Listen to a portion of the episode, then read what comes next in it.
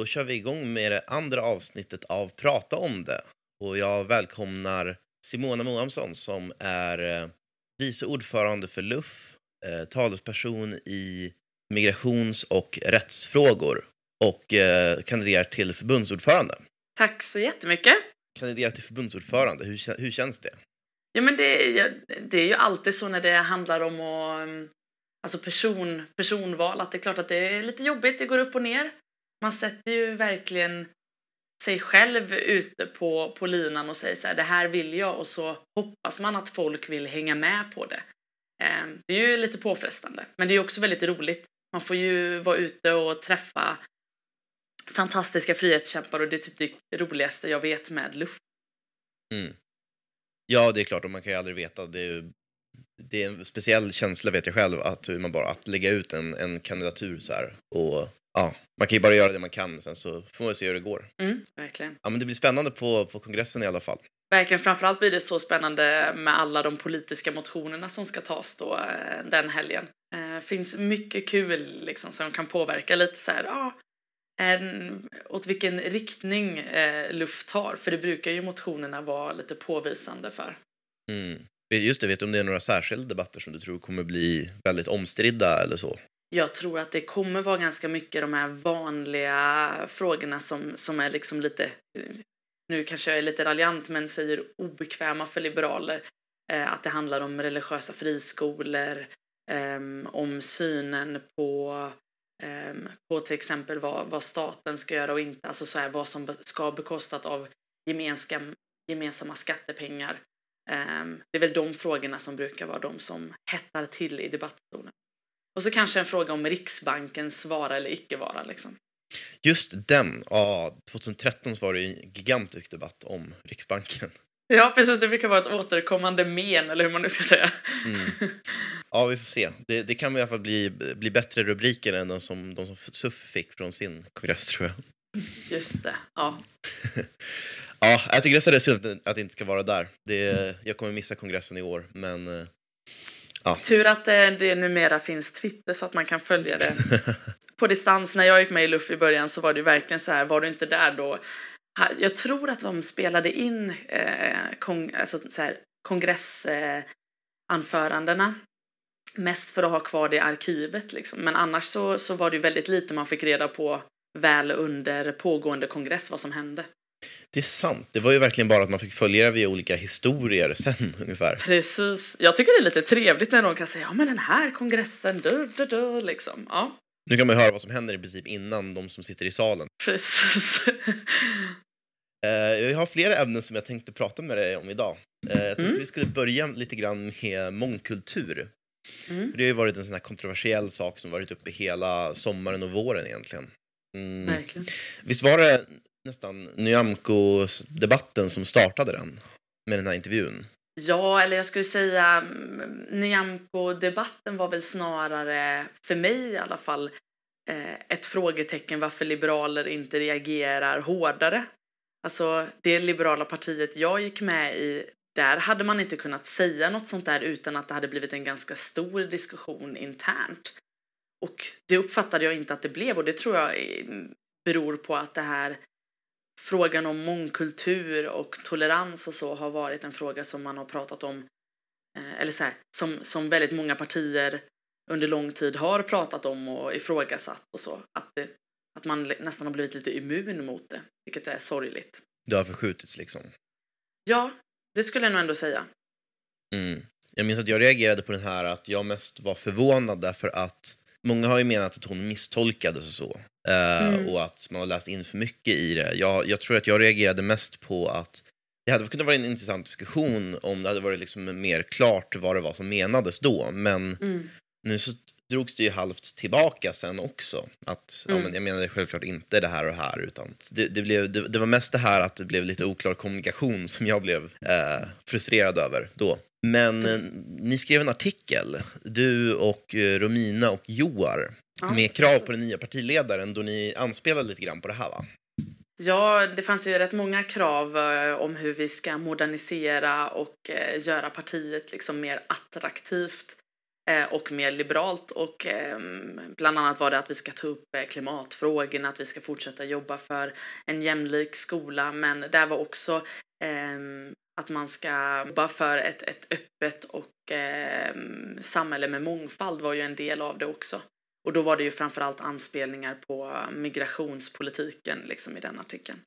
Just det, nej, jag minns att jag tyckte att de här andra övriga kraven var riktigt on point också. Mm. Um, ja, men vad härligt. jag tänkte att du tänkte säga, jag tyckte inte de var så bra så det var därför jag bara lyfte det här. Ointressanta liksom. Nej men det var mm. så här, det, det, är en sån här, lite klurig sak med mitt förhållande till luff. Att om, om jag håller med någonting så brukar jag inte säga så mycket om det utan då gillar jag bara någonting på Facebook eller så. Liksom. Ja. Vilket är det mesta, men det, det är mest det jag är oenig om som jag tar upp. Jaha, uh. du är en sån. Liksom, uh, ja, en konsekvens av din tid liksom.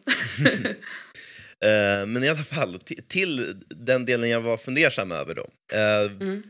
Det var ju det här då med ja, alla människor ska förstås ha rätt att söka asyl och vi ska dessutom ha en positiv syn på vad de fördelar som ett, ett sånt där mångfaldssamhälle innebär, var, var väl ungefär formuleringen. Mm. Mm. Ni, ni, skrev ungefär, Liberalerna ska inte vara ett inskränkt eller nationalistiskt parti utan stå upp för den här rätten. Det jag funderade på var att jag, jag håller ju helt med om den här delen om att vi ska, ska ta emot dem som söker, söker skydd. Men är inte det separa, lite separata frågor, att säga, vilken, hur vi ska se på effekterna av att människor kommer hit? Jag menar, det, känns, det är väl lite mer av en vad ska man säga, empirisk fråga vad som händer då medan det andra är en fråga om så att säga, vilka rättigheter människor ska ha. Mm. Jag tänker generellt i den här frågan um, så, så är det ju lite svårt i diskussionen för att folk har lite olika ingångar till vad eh, mångkultur och mångfald är. Alltså, jag är ju eh, svensk, jag är göteborgare, jag är hissingsbo, jag är Häckensupporter, eh, jag är vegetarian, jag eh, åker kollektivtrafik. Det finns ganska många etiketter som jag kan sätta på mig själv som jag ibland gärna sätter på mig, ibland helst vill liksom ta bort. Um, och det som är intressant är att mångkulturdiskussionen senaste året har snarare um, eller mestadels handlat om etnisk mångkultur. Mm. Eller liksom religiös mångkultur. Um, och det är som du säger så här, om mång, mångkultur är bra eller dåligt kan man ju tycka olika om beroende på vilken ideologisk inriktning man har. Liksom. Uh, och utifrån vilka av de här parametrarna man utgår. Uh, jag tycker att det är eftersträvansvärt att människor ska kunna sätta på vilka etiketter de vill och ta bort dem. Um, i förhållande till en majoritetssamhälle. Liksom. Um, men, men man ser ju också, om man ska titta på effekterna, kolla, du behöver inte ens ta upp det på en, en statsnivå, du kan ta upp det liksom bara i ett företag. Vi vet att det är bra för ett företag att ha en mångfald av människor med olika bakgrund, idéer och erfarenheter, för då får man, då har man det liksom bättre än att alla tänker likriktigt. Och jag tänker samma sak gäller ju eh, samma sak gäller ju ett samhälle liksom om man tittar på den berikande delen som vi pratar om. Mm. Eh, så, så har mångkultur ett egenvärde.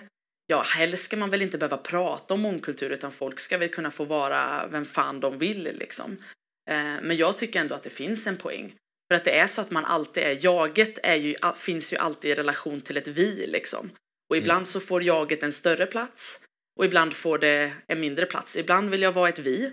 Liksom. Ibland under midsommar så vill jag, som, som inte ser ut som en etnisk svensk, vara en del av viet och då hoppar jag runt som en groda liksom. Um, men väldigt ofta vill jag inte det utan då vill jag vara jaget och då mm. vill jag kunna ha, äta den maten jag äter eller liksom eh, prata på, i telefon arabiska med mina föräldrar. Um, så ja, nu kanske det blev en lång utläggning men jag ville bara liksom för att den här diskussionen ibland känns väldigt så här platt att antingen så här är man för eller emot och så, så, så ser man inte det så att den har liksom lite olika nyanser.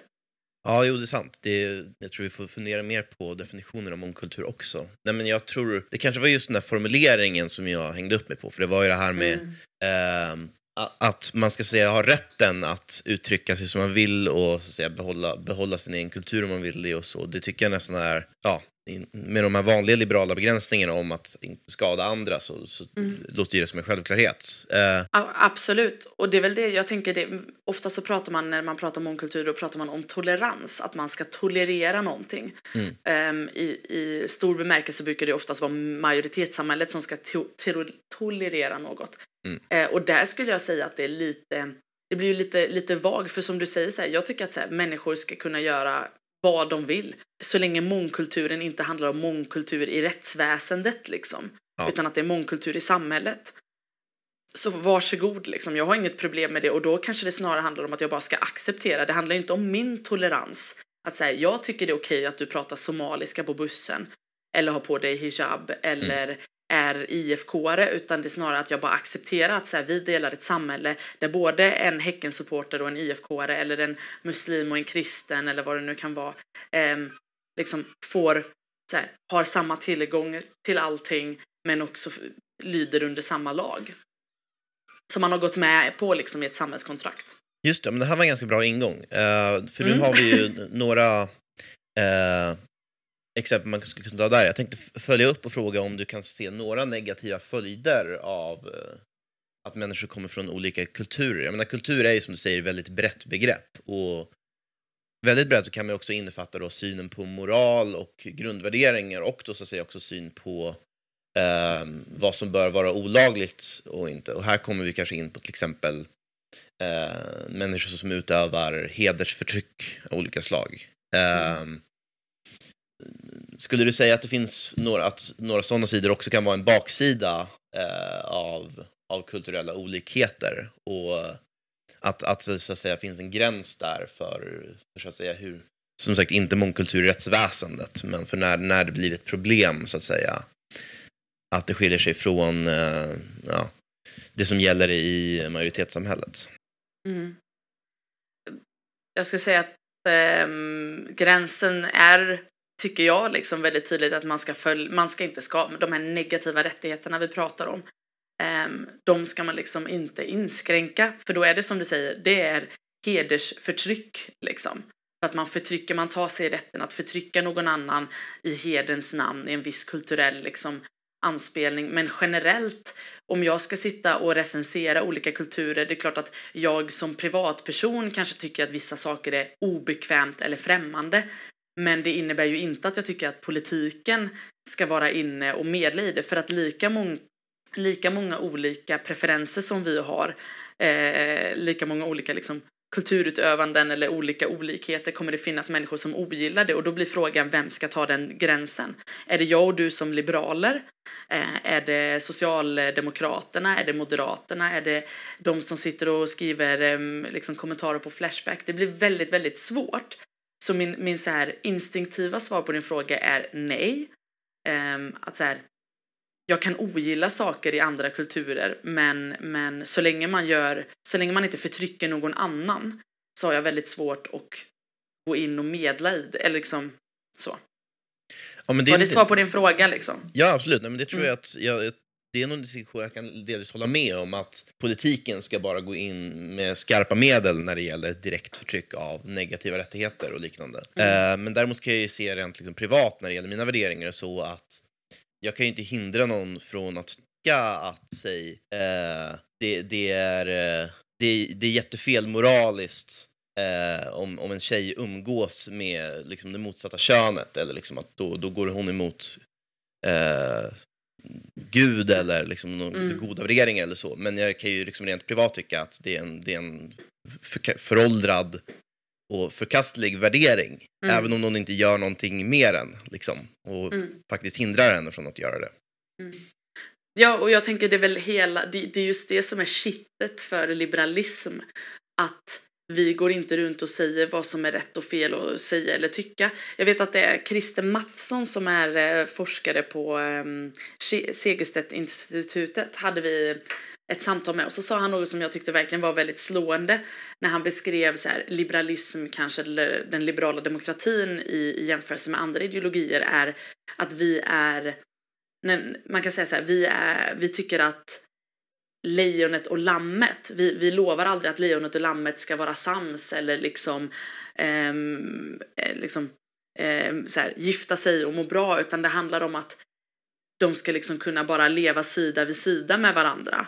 Även om, om man liksom tycker olika eller har olika syn den, liksom så här, på, på vad, man, vad man tillhör eller vad man är i, i samhällskontexten. Och det är liksom lite den inställningen jag tycker vi ska ha. Hela tanken med liberalism är ju att det ska finnas olika synsätt på samhället. Mm. Um, och att vissa kanske ska ifrågasätta, i vårt fall just nu kanske ifrågasätta de rådande normerna och vara arga över dem. Um, det tycker inte jag är konstigt liksom. Samhället är ju uppbyggt på vilka som lever i det och verkar i det. Det var en konstig parallell, men ja. Nej, men jag förstår, jag, jag förstår att om, om man ska ändra på sånt där tror jag också att, att när det kommer till just värderingarna så är det ju förmodligen just normer och eh, möjligen opinionsbildning och liknande som skulle kunna fungera. Jag tror liksom inte att det går att tvinga på folk värderingar på det sättet. Eh, men där, däremot uttrycken för värderingarna, eller för den delen, ja, i skolan så har vi ju också till exempel att man ska jobba utifrån vissa värderingar mm. och främja dem eh, hos eleverna. Um, vi gör ju det, alltså vi har ju ändå vissa, vi har ju ändå bestämt att vissa eh, vissa värderingar, vissa kulturella uttryck är mer fördelaktiga än andra. Det har vi ju liksom ändå eh, så här, kan vara bestämt eh, liksom genom som du säger i skolan men kan också vara underbyggande att så här, de flesta har um, så här, de flesta firar midsommar och det är en röd dag. Är det det? Ja, det är det tror jag. Eh, nu sitter jag tänker, men i alla fall julafton är en röd dag. Obildade eh, luffare liksom. Ja, men du vet så här, jag satt och tänkte ja. bara för att jag, jag brukar ju vilja ta bort röda dagar så jag funderar bara, är midsommar en av dem? Men, men, men, men jul är liksom en röd dag. Då har liksom vi institutionaliserat en viss kulturellt uttryck som vi tycker är mer fördelaktigt än ramadan exempelvis. Um, och det är väl där liksom jag som liberal, där liksom skon skaver lite. Att vi ändå att vi ändå har förfördelat vissa kulturella uttryck ehm, en större plats i samhället än andra. Mm. Ehm, och därför tycker jag till exempelvis att man borde göra om de röda dagarna som idag är fastslagna till att man har ett röda dagar-konto liksom. Så att folk faktiskt får välja själva när de ska vara lediga. Om det är så att det är på kanelbullens dag eller ramadan eller ja, det kan ju vara olika. Absolut. Nej, men jag tror att det här kan vara en ingång också till, för jag, jag skulle vilja försöka förklara hur jag tolkade den här eh, första mm. texten. Jag tror att det var, um, jag tror vi, vi ser ganska lika på, på det här hur man kan hantera såna här värderingsskillnader. Men jag kan ju se det om, om en sån här värdering till exempel skulle bli mycket vanligare så skulle jag se det som väldigt negativt. Uh, mm. Om man lämnar politiken en stund. Uh, och om, om man då tänker sig att en optimistisk syn på, på de här fördelarna som ett öppet samhälle medför, då tänker jag att um, nu pratar vi ju om liksom det här som bara som, som ett givet exempel med, med hederskultur, men mm. det är förstås inte alla som kommer dit som har sådana värderingar. Men mm. om man tror att det är en så att säga större andel eller en, en klart mindre andel, det är, och liksom hur pass lätt det är att få folk att eh, att ge upp sådana här värderingar. Det känns ju mer av som en eh, fråga om verklighetsuppfattning, tänkte jag i alla fall, som kanske inte mm. nödvändigtvis är kopplad till just om jag tycker människor ska ha rätt att komma hit och söka asyl, som vi var inne på, till exempel. Mm. Um, och där tycker jag någonstans att man uh, behöver, som, som ändå um, ideologiskt sinnad person, um, även om man kan se vissa uh, effekter um, så kan man ju inte garantera effekterna. Alltså så här, saker kan ju bli bättre beroende på hur man pratar om saker, hur man in, införlivar den rättspolitiken man har. Um, så, så egentligen blir hela grundfrågan orubb, alltså grunden blir ju orubblig huruvida mångfald är bra eller dåligt, för mig i alla fall. Um, oavsett konsekvenserna. Mm. Liksom. För det, det är ju inte så nu om man nu ska dra det liksom hårdra det verkligen med en jättestor pensel så är det ju inte så att eh, personer radikaliseras på vägen från eh, den platsen där de är hit och blir för hedersförtryck. Utan oftast är det ju snarare så att det är eh, det, det majoritetssamhällets kulturella uttryck i det kanske landet som man tar med sig hit och så krockar det med majoritetssamhällets rådande norm här. Och som jag sa inledningsvis att Um, så länge du inte kränker eller förtrycker någon annan så har jag väldigt svårt att se som liberal hur jag ska gå in och inskränka din rätt att ha vissa kulturella uttryck eller eh, ha vissa tankar. Liksom. Utan då är det snarare mm. att folk kanske själva får... Jag tror också, om jag ska vara helt ärlig, att så här, eh, mångf alltså när vi pratar om mångfald och etiketter och identitet som det här faktiskt handlar om i slutändan så är inte det beständigt. Det är väldigt ofta som man växlar mellan olika identiteter. Alltså det som jag sa till dig inledningsvis att så här, ibland vill jag vara en del av viet och ibland vill jag vara en del av jaget och jag pendlar ju mellan det och under min livstid så är jag också kanske olika saker. När jag var, när jag var yngre så var jag väldigt så här, beroende av att känna mig som svensk liksom och det var den enda etiketten jag ville ha för att jag har eh, föräldrar som är utrikesfödda. Nu när, man, när jag är äldre så är det mycket enklare att ta på mig liksom att jag kanske är någonting mer än bara att vara svensk. Eller ibland vill jag inte, under EP-valet så vill jag inte vara svensk överhuvudtaget liksom. Um, mm. Så det, det, är också en aspekt att ha med sig tror jag, att saker är inte, sta, liksom, saker är inte liksom hela tiden eh, statiska utan väldigt rörliga och det är ju också en liberal idé. Att man är inte bunden till till att någon annan sätter fast etiketter eller att samhället alltid är på ett visst sätt. Mm. Det skulle vara väldigt uh, skadligt om politiken försökte bestämma det och mm. fastslå liksom, den optimala identiteten. Så, jag, jag har överhuvudtaget inte förknippat uh, migration så himla mycket med mångkultur egentligen alls. För mig styrs mm. det mer av att vi ser att det finns människor utanför mm. våra nationsgränser som har råkat födas och ha väldigt taskiga förutsättningar och bor i en stat som förtrycker dem eller där staten inte kan hindra dem från att bli förtryckta och de behöver fly. Och det är mm. mer, en, mer en ren, ren etisk fråga som, som jag inte tycker... Ja, det, det, är inte så att säga min syn på mångkultur som styr över det. Det är mer frågan om att jag tycker alla ska ha rätt att ha de grundläggande rättigheterna, liksom, helt mm. enkelt.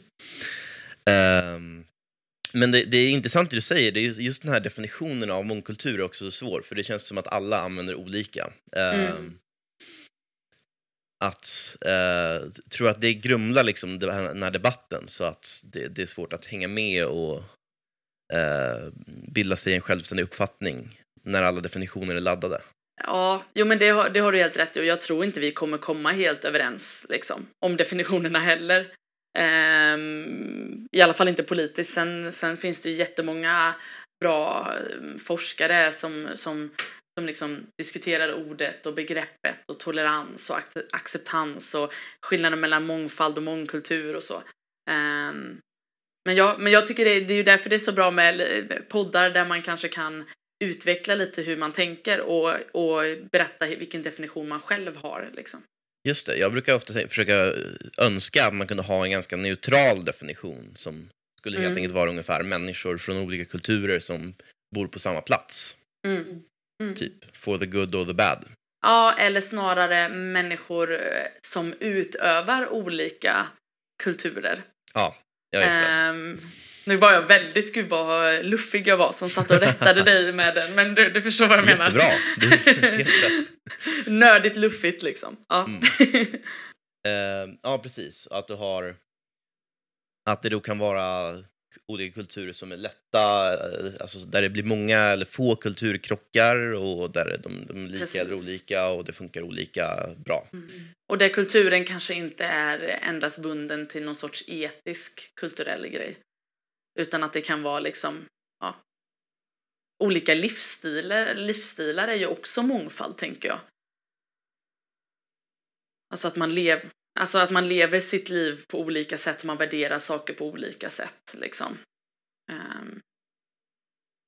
Ja, men om du, du kollar på Sverige så finns det säkert interna stora kulturskillnader också. Alltså om oh, du skulle ja. kolla på, jag vet inte, de här som är liksom till så att säga höger om Sverigedemokraterna så tror jag väl inte de heller har värderingar eller livsstil som går ihop så mycket med majoritetssamhället.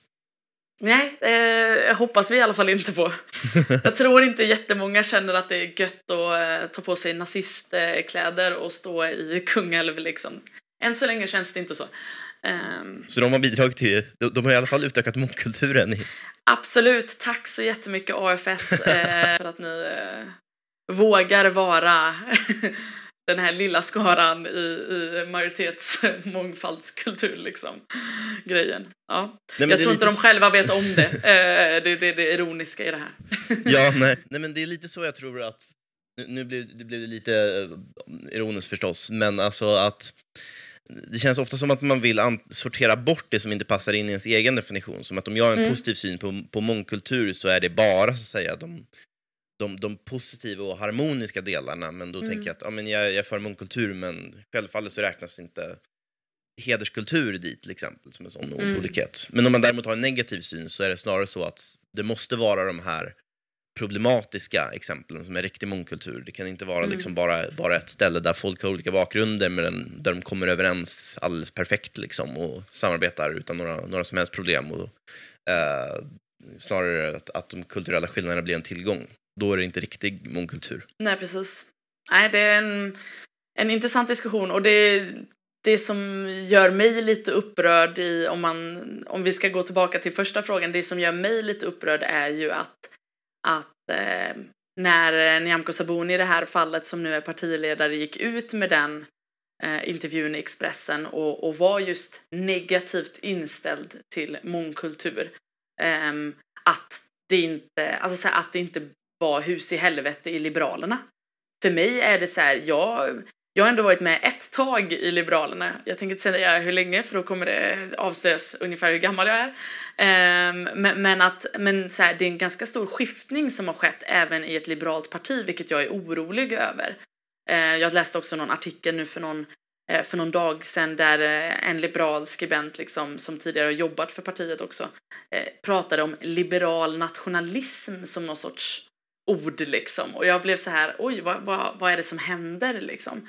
Um, för att det är ganska många grejer som för mig är motsägelsefullt, för det är ju två olika intressen. Antingen har man ingångsvärdet som du sa, att mångkultur är någonting bra och att man ska eftersträva att folk eh, upprätthåller den rättsliga delen, liksom att alla faktiskt har de negativa eh, rättigheterna.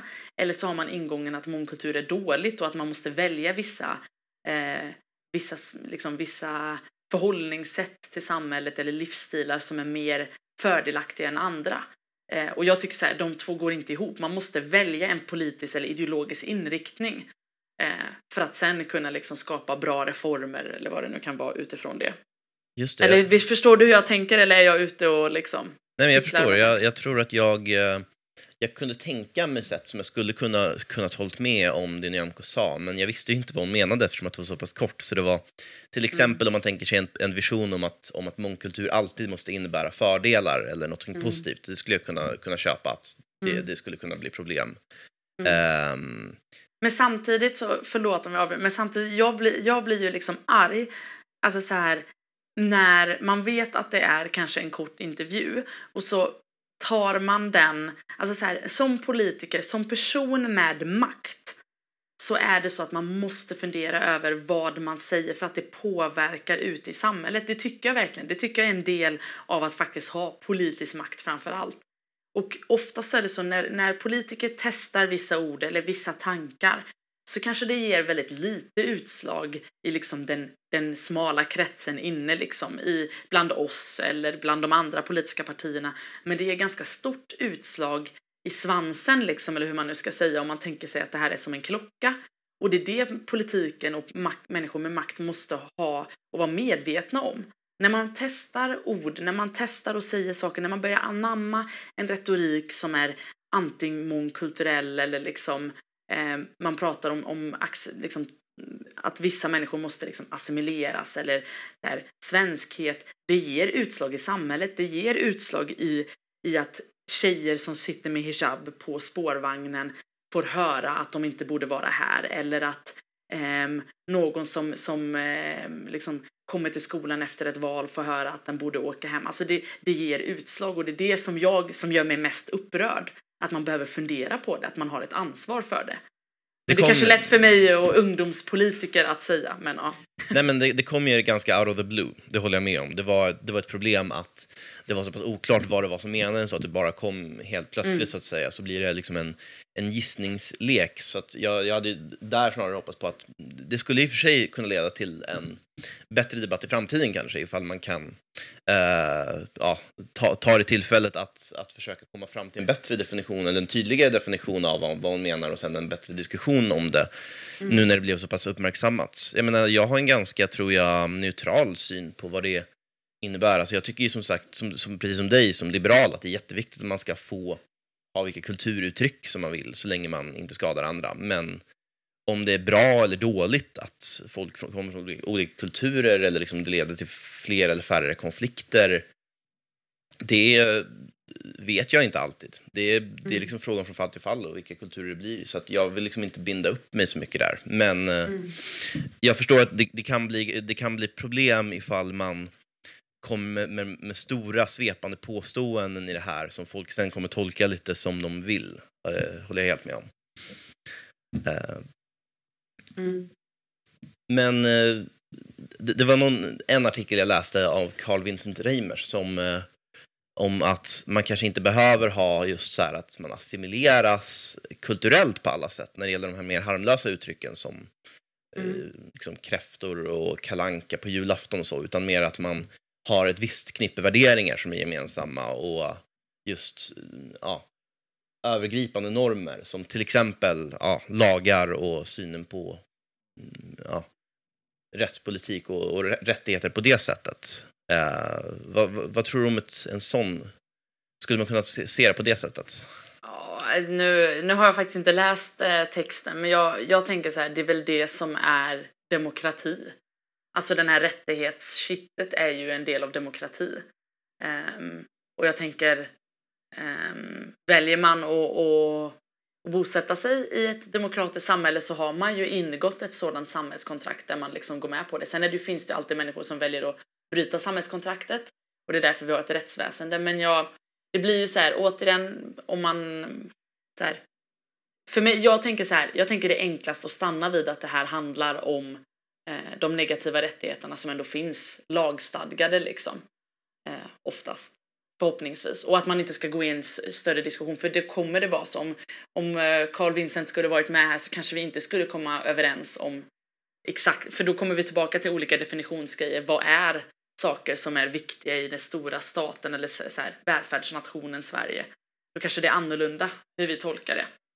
Ja, just det, men att det är viktigt att man, att man respekterar de eh, demokratiska spelreglerna, skulle man kunna säga. Ja, ja, men det skulle jag säga. Det är väl ändå grundläggande.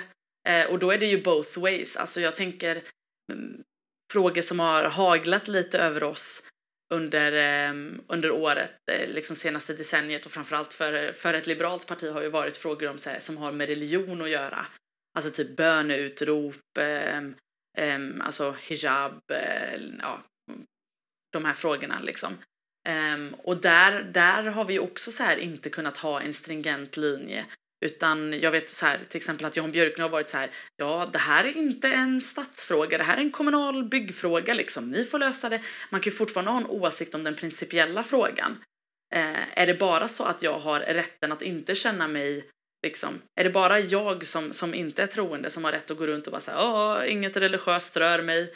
Eh, är det tolerans eller är tolerans att så här, ja, du får utöva din religion eh, liksom, och jag får utöva min icke-religiösa inställning och så, så liksom bara går vi inte in i, i liksom in i, i varandras huruvida vi gillar det eller ogillar det liksom. Vi kanske inte behöver hetsa upp oss så mycket över att en eh, busschaufför ber på sin rast. Nej, precis, men lite så. Alltså, det är ju snarare mm, det snarare blir det en diskussion om så här, okej, okay, är vårt samhälle just nu bara anpassat utifrån att man inte är religiös? Alltså jag menar till exempel om man tittar på hur många arbetsplatser har eh, bönerum exempelvis.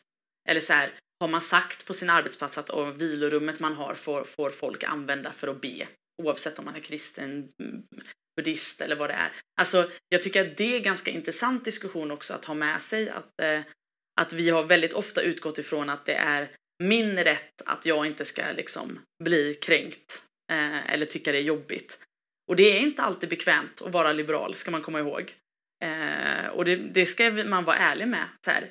Ett liberalt samhälle är inte alltid bekvämt eh, för människor som har mycket åsikter och kanske inte har så mycket tolerans, om man säger så.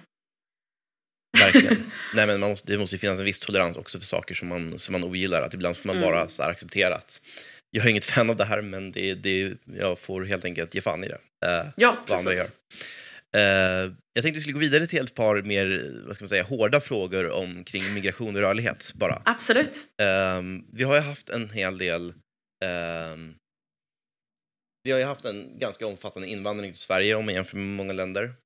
och vi har haft många som har kommit hit och som, som bidrar varje dag i flera viktiga sektorer. Men samtidigt har vi också fått ett stort utanförskap. Det har tagit tid innan många har kommit eh, i sysselsättning, ofta alldeles för många år. Eh, och det har lett till ett utanförskap. Eh, hur ska man förhålla sig till det här, det här när man är för eh, fri rörlighet? Mm. Alltså det första när det gäller migration, eh, det är en rättighet. Eh, jag tycker det, det, är en okränkbar rättighet. Jag tycker att eh, och det är därför jag är liberal, för att jag tycker att människors, vart man råkar födas ska inte vara det som beslutar hur ens liv ska vara. Och en av de absolut viktigaste rättigheterna som finns är att kunna välja liksom, sin framtid, kunna välja och röra sig fritt. Um, och varför jag gillar att dela på migration och integration, för att det är lite olika syn på saker. Det ena handlar om en rättighetsbaserad syn, liksom, och det andra handlar egentligen om hur staten är så här, organiserad, tycker jag faktiskt. Um, och när det gäller, för att bara lägga till immigrationsdelen, som kanske kan vara varför, varför vi nu pratar om att det har varit stor invandring nu, det är väl snarare att förr så var migrationen mer organisk, den var väldigt så här, nära. Det har ju skett en utveckling där man faktiskt kan under en väldigt kort tid ta, ta sig väldigt långa sträckor eh, tack vare liksom, att det är enklare att röra sig. Um, om man lägger liksom lite den här rättighetsbaserade mm, grejen åt sidan lite och pratar om själva integrationsdelen, där handlar det om staten. Alltså så här, det är ingen som har sagt att staten ska vara så dålig på att bygga städer så att vi skapar en segregation på det sättet som vi faktiskt har gjort. Det är ingen som har sagt eh, liksom, det är inte migrantens fel att Bert Karlsson har vunnit miljoner under 2015, 16 och 17 när det var det som vi kallar migrationskris, jag sätter det i citattecken.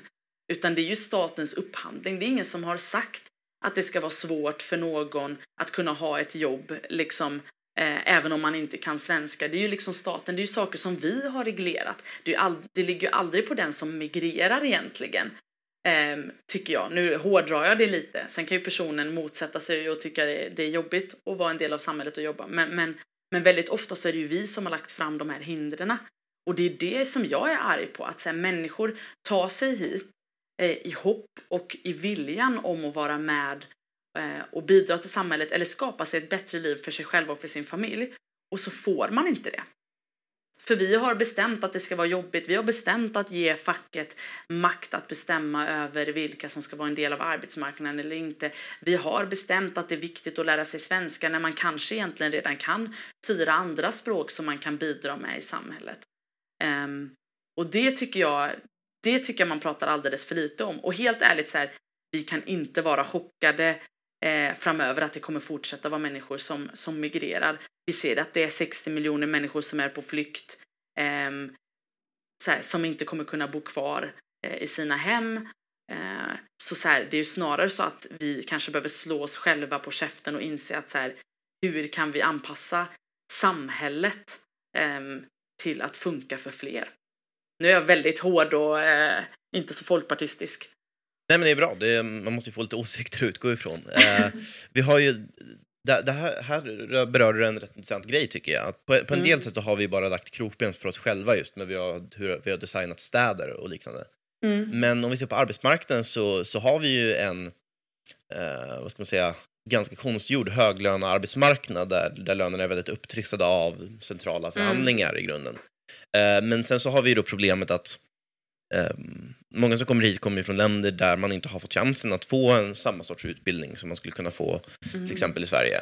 Uh, och det leder till en skillnad liksom, i, i skill level förstås. Det, det är ingenting som individen alltid kan uh, som individen kan rå för förstås och det, är det gäller förstås det är stora skillnader även där. Men det gör att många som kommer hit in, det, det, det blir svårt att gå direkt in och söka ett jobb som motsvarar liksom LOs minimikrav på eh, på löner. Mm. Så uh, utgör det här ett problem och så säga, går det här problemet att lösa? Jag har funderat på det för att vi kan ju samtidigt inte hindra eh, fackföreningarna för att för, förhandla. Liksom. Nej, alltså den principiella grejen är så här, jag tycker ju att tanken med att organisera sig och fackförbund är ju en väldigt god tanke och det är ju i grunden en liberal tanke liksom, friheten att kunna organisera sig. Men problemet är väl snarare när man får så mycket makt att det, det blir stora kolosser liksom. Um, ja, alltså jag tänker så här, det finns ju vissa människor eh, som kommer hit som kommer behöva gå i skolan för att utbilda sig och få upp sin skill level, eh, som du kallade det, eh, väldigt hippt.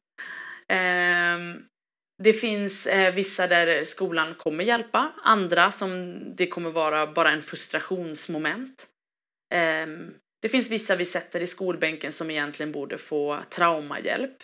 Det finns vissa som inte borde sättas i skolbänken för att det kommer, alltså så här, det kommer inte de orkar inte, deras skill kan vara någonting annat. Och det är det jag menar att ibland är vi så bundna vid två, två saker i Sverige tycker jag ibland. Och den, den tror jag framförallt, nu är den fortfarande ganska orubblig men framöver så tror jag som liberaler att vi måste ifrågasätta det och det handlar om utbildning och språk.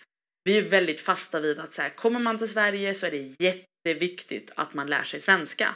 Och det, absolut, det finns ganska många goda saker med att kunna svenska. Man blir det blir enklare att liksom delta i, i, i samhället, det är liksom så generellt.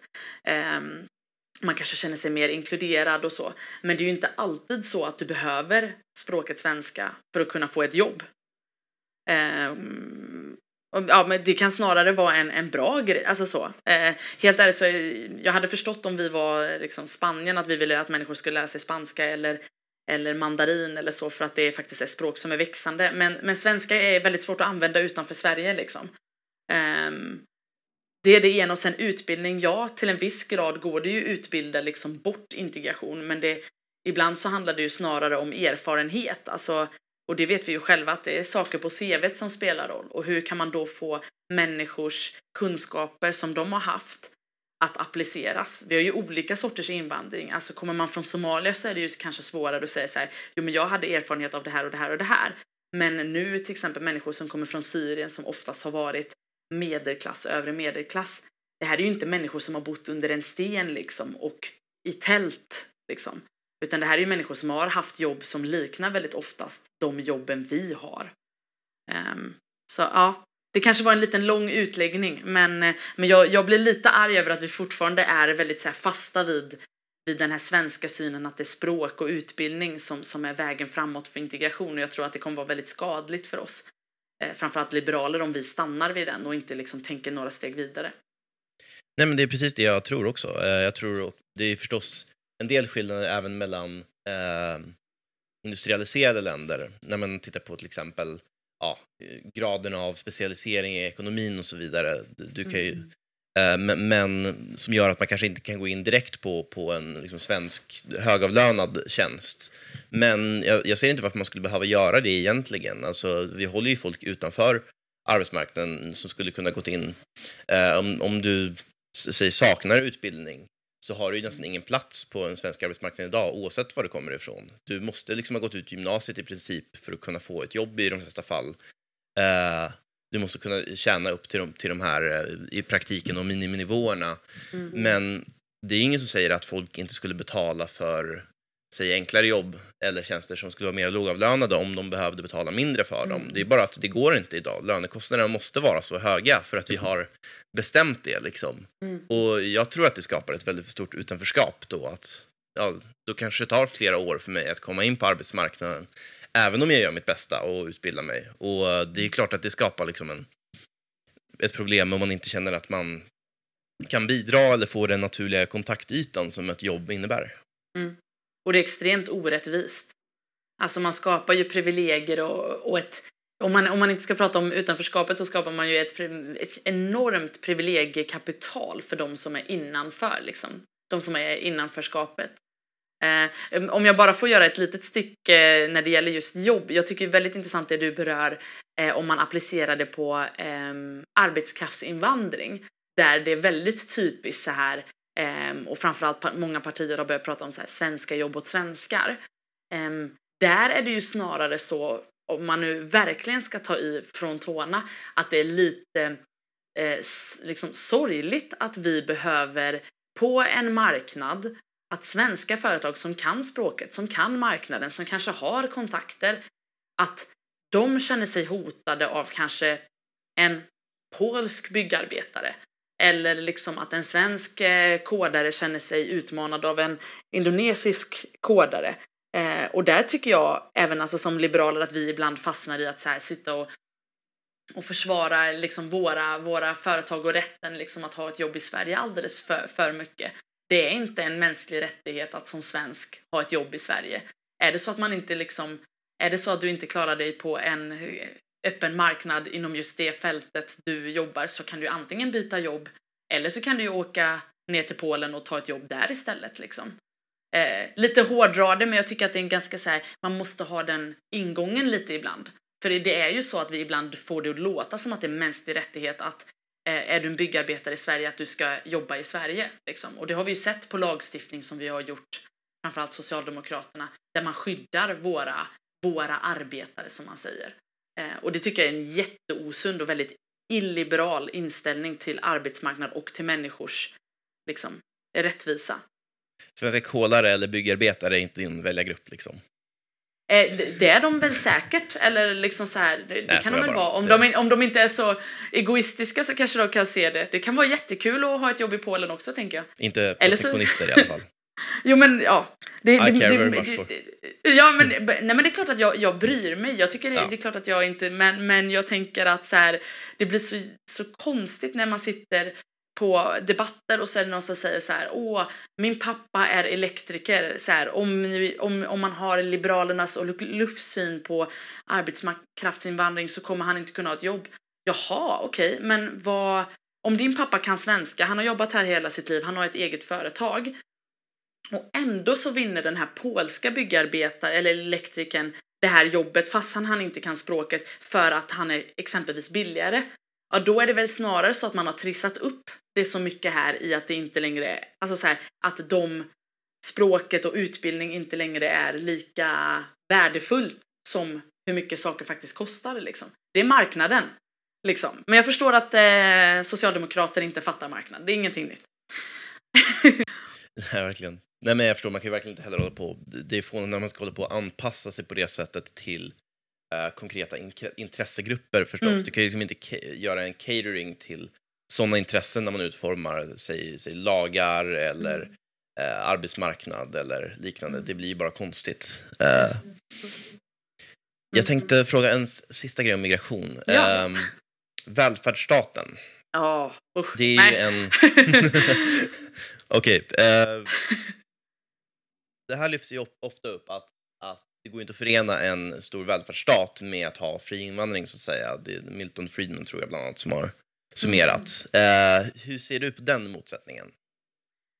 Um, jag är nog ändå beredd att hålla med att det är väldigt svårt att ha en välfärdsstat där man har väldigt mycket positiva rättigheter uh, utan att kanske börja liksom uh, utan att människor känner att man också tar på deras negativa rättigheter. Alltså skatt är ju ett exempel på vad man behöver göra eh, för att ha positiva rättigheter. Liksom.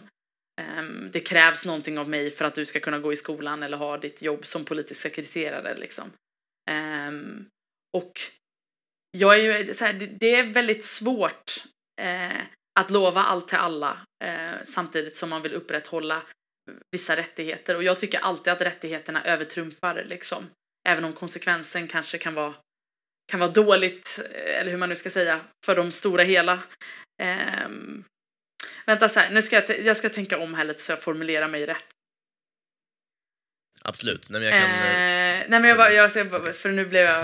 Eh, så här, jag är beredd att hålla med um, att det finns stora motsättningar i, i, att det kan finnas motsättningar i intressen mellan de här negativa och positiva rättigheterna.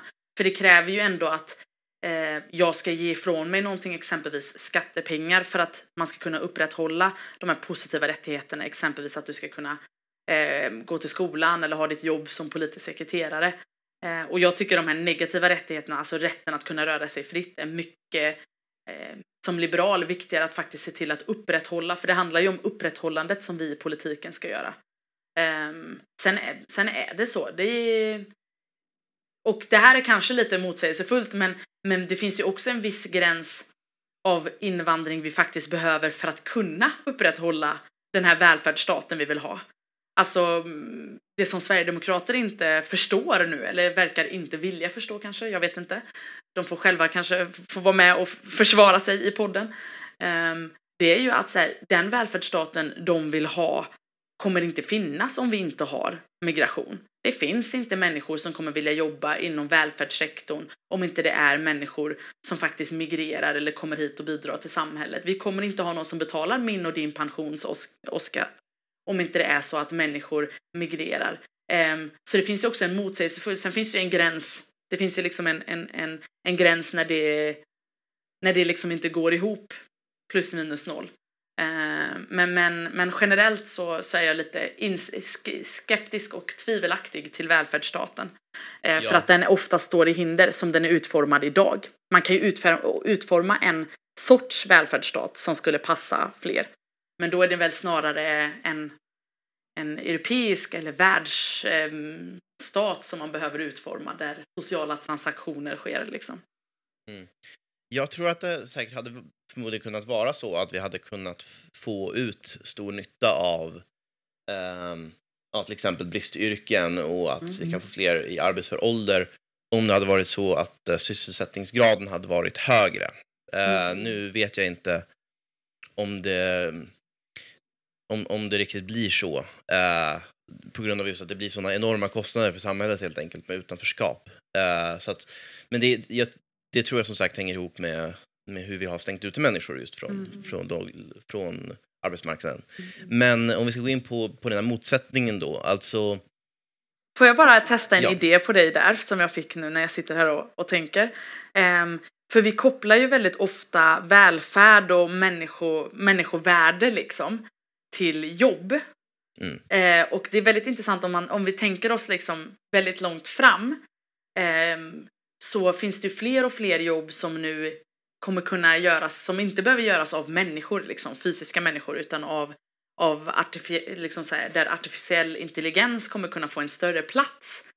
Eh, och det är väldigt intressant att tänka hur kommer människovärdet och synen på vad som är bidragande till välfärden vara i framtiden när jobb inte kommer kunna vara det i st stor utsträckning. För det kommer ju vara medelklassens jobb som kommer kunna tas bort med hjälp av artificiell intelligens liksom.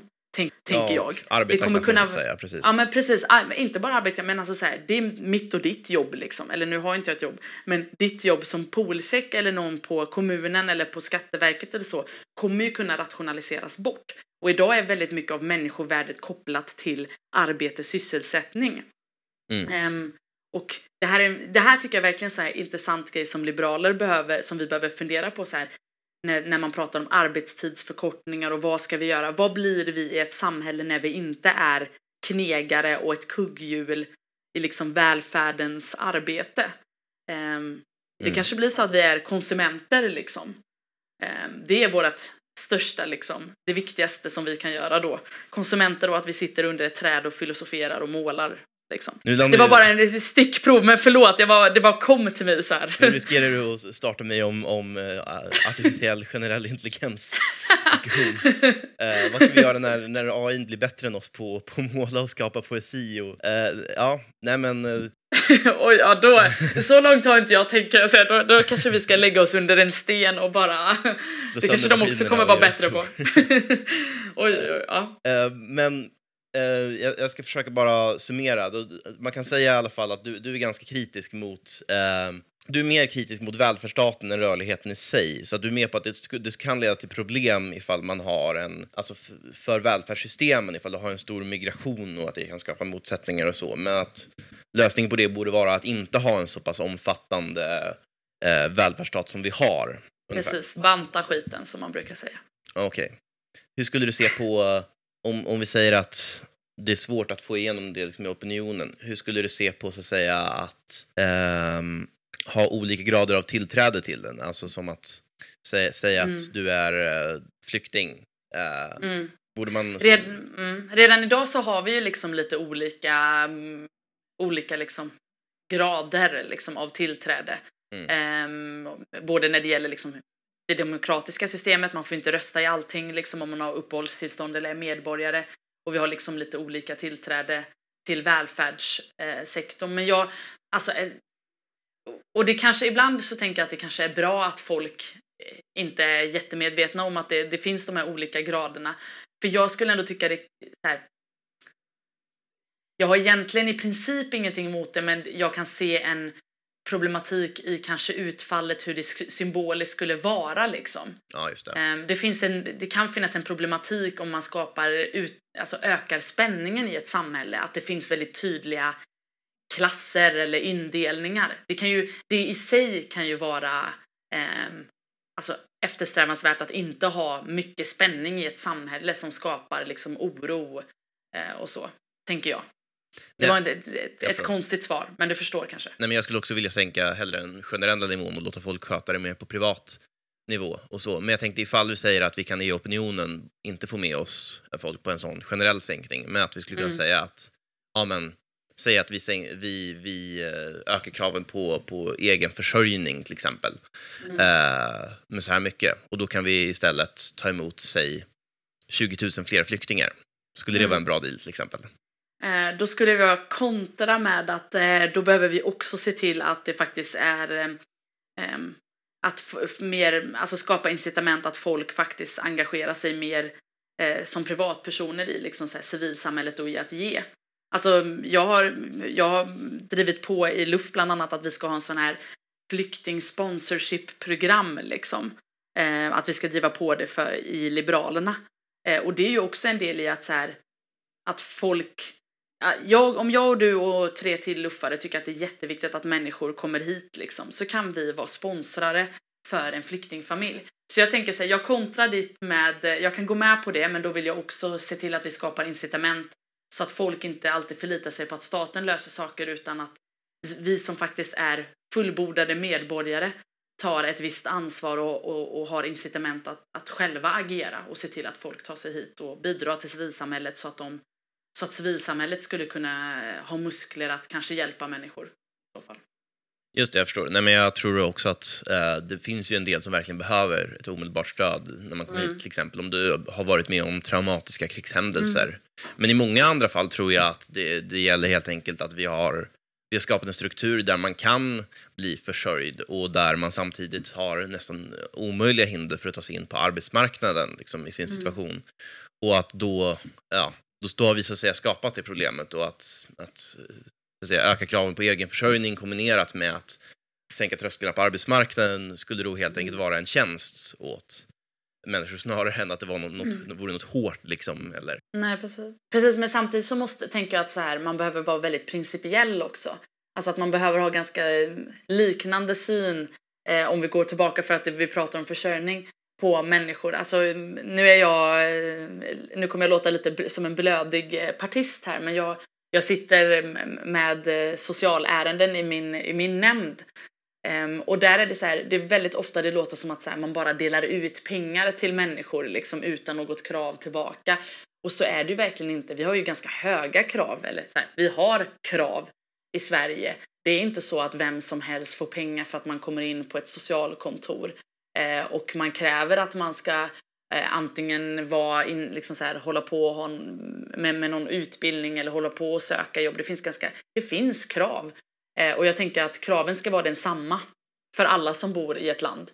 Tänker jag. Är min, är min så spontana inriktning för att jag tycker det är rätt viktigt med eh, lika synsprincip, alltså så att man ser människor lika. Ja, alltså jag tror jag, jag håller helt med om att en del av den stöd som ges ställs förstås krav för. Alltså en, en del är ju till helt enkelt sånt, sånt som går till folk som är väldigt, väldigt utblottade. Mm. Men mm. Um, jag skulle också vilja ha helst förstås en, en generell behandling.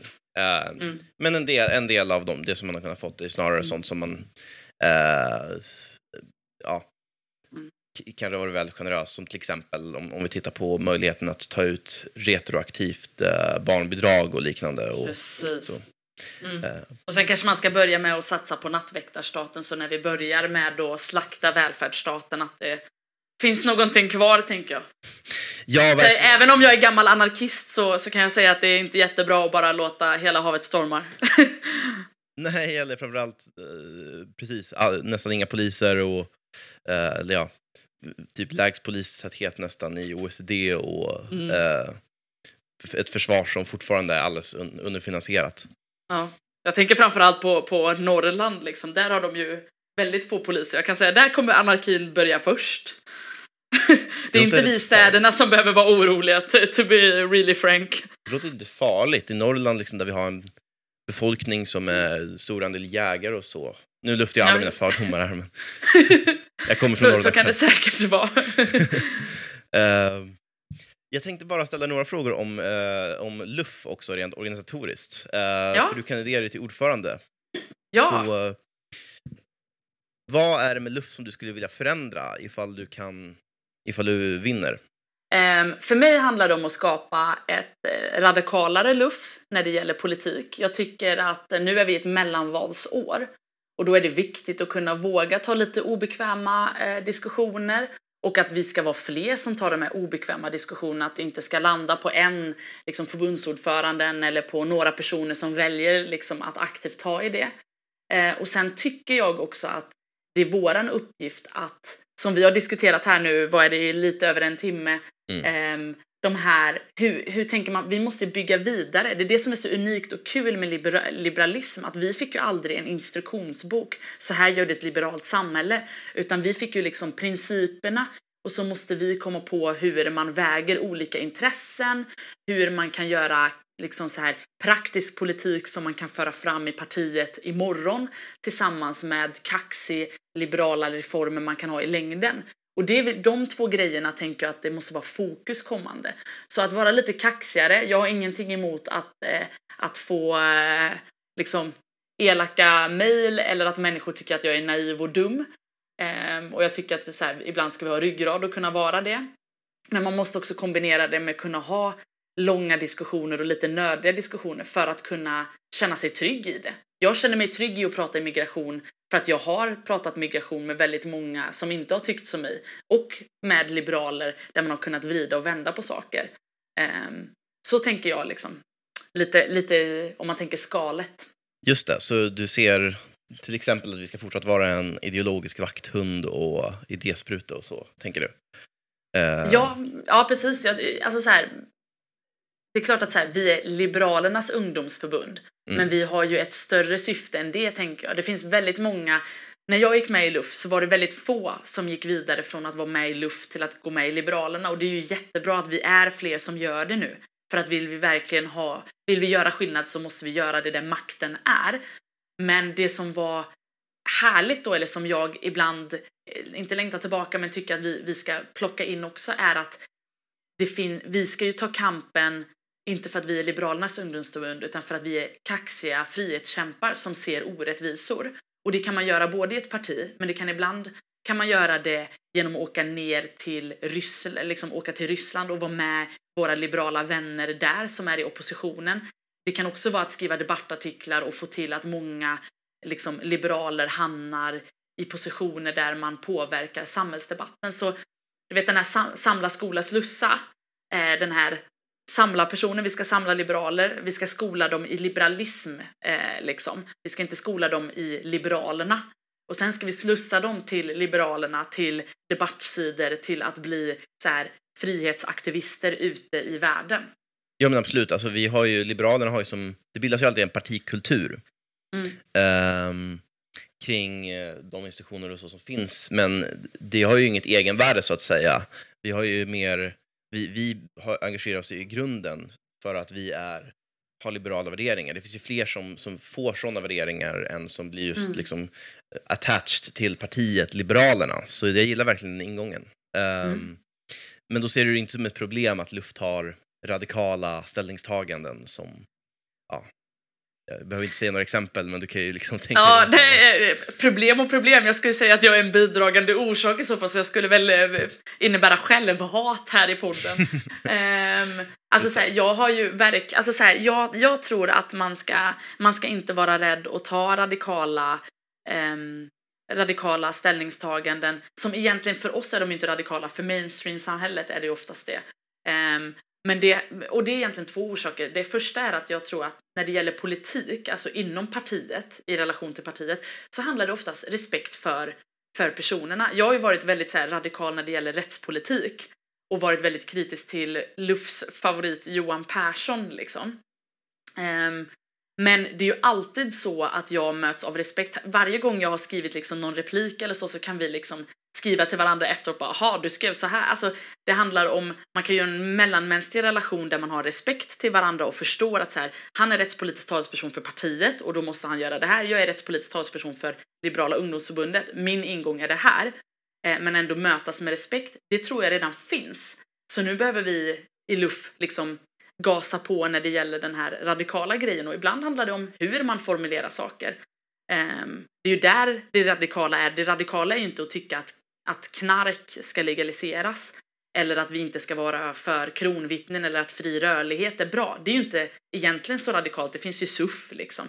Det radikala är ju hur man formulerar sig. Hur ser man till att en artikel som handlar om, om knarklegalisering hamnar rätt i tiden och i ett rätt sammanhang så att man till exempel får polischefen att reagera på det. Um, det är ju det som gör att vi kanske blir liksom lite unika också, som, som gör att vi, vi kan få genomslag.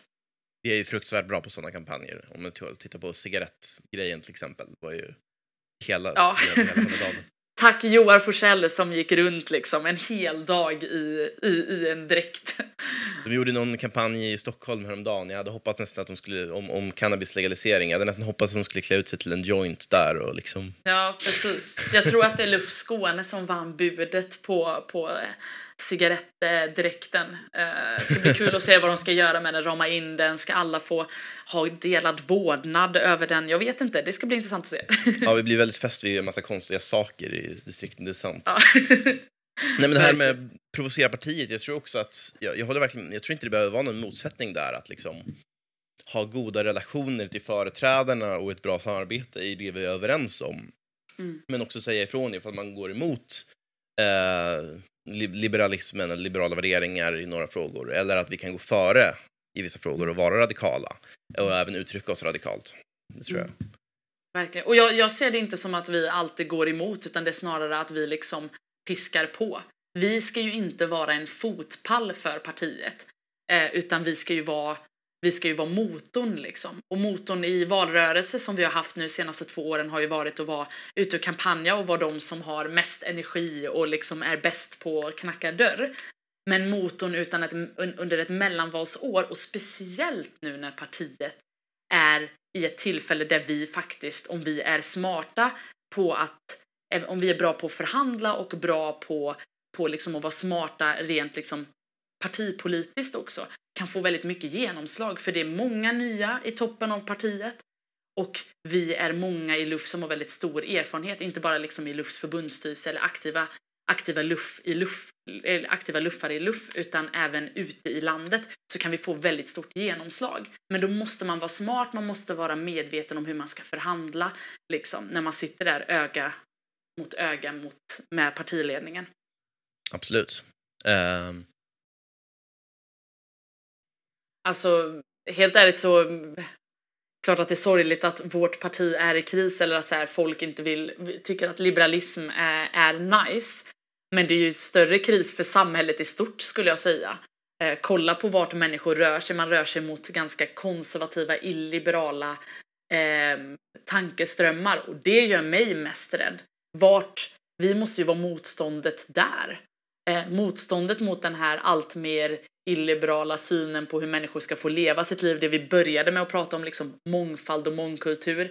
Eh, den ganska konservativa och illiberala synen på vilka som har rätt till ett land och inte. Det vi pratar om när det gäller integration. Eh, och där ska vi, alltså så här, helt ärligt så här, jag är först och främst är jag luffare och sen är jag partist. Även om jag har väldigt mycket partiuppdrag också. Eh, men jag är först och främst luffare.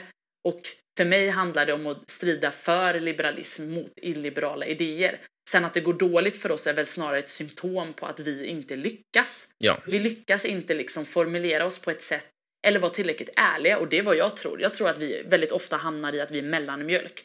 Vi vill vara både eh, visionära ideologer och Ehm, vi vill inte göra någon arg. Nej, men man ska, så här, man ska bli arg när en liberal pratar. Jag är arg. Det är ju därför jag är liberal. Liksom.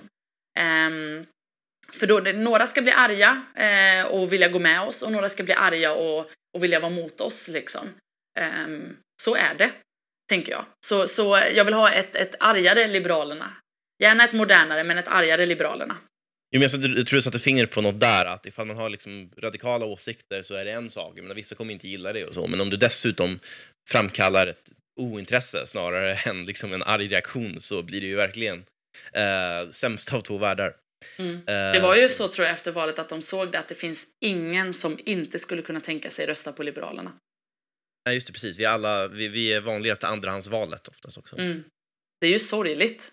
Alltså det är ju på riktigt sorgligt att ingen känner så här, det här partiet skulle jag absolut inte vilja rösta på. Det betyder alltså att så här, kommunister, sverigedemokrater, eh, så här, alla de är så här, ah, alltså Liberalerna är inte så farligt. Det är ju, då har vi ju verkligen misslyckats liksom. Liberalism är ju född ur, ur att man är emot någonting, ur vrede liksom. Men vi har blivit någon sorts, eh, inte ens en Oatly, vi har blivit en mellanmjölk. Liksom. Nej men det är ju verkligen eh, att vi kan vara rakryggade och stå för någonting tror jag. Det uppfattas nog generellt som väldigt, väldigt viktigt tror jag för annars har man ju ingen trovärdighet så att säga. Så att om vi nu ska ha liksom, radikala och ibland impopulära åsikter så måste vi också kanske bli bättre på att förstå för dem och faktiskt vara lite tydliga. Uh, och där kanske partiet har en hel del att lära sig av luff också. Mm. Verkligen. Ja, men det, det, tror jag verkligen. Och det, I slutändan handlar det ju också om så här lite tilltro till sig själv. Att man måste... Eh, jag tycker ju, som vi, jag har nämnt det några gånger, jag älskar ju verkligen att ha ideologiska diskussioner och det är det jag lever för och hoppas att luff oavsett liksom eh, efter kongressen, inte bara på kongressen har debatter liksom, utan även efteråt. Vänder och vrider på saker, har högt i tak. Men det är en grej att liksom vara öppen för att ändra sig i en diskussion med andra luffare eller att landa i en position som är mellanmjölk tycker jag ändå är en, en ganska stor skillnad liksom. Um, och det är där, det där liksom vi behöver, behöver skilja oss åt. Eh, och där, där tror jag luft behöver också växla upp. Vi har varit väldigt så här, nu har vi varit i, i valmode. Vi måste gå vidare till liksom lite krigar, lite rebellisk mode tycker jag. Antimellanmjölk. Det blir bra. Ja precis, antimellanmjölk är väl rebell, tänker jag. Härligt. Uh, Simon, jag uppskattar verkligen att du tog tid att vara med i den här podden. Det har varit väldigt intressanta diskussioner tycker jag. Uh, ja men tack så mycket och tack för att jag, vi kunde göra det här så uh, så smidigt att du är eh, på jobbet och jag pratar från mitt lilla kök på hissingen i Göteborg. Spännande att få höra dina synpunkter. Jag hoppas du säkert vill komma tillbaka någon gång. Absolut. när det dyker upp några nya kontroverser. Jag är alltid redo. Jag är kontroversiell så det, det lär bli eh, snart igen då. Ta det nästa vecka. um, men eh, tack så mycket.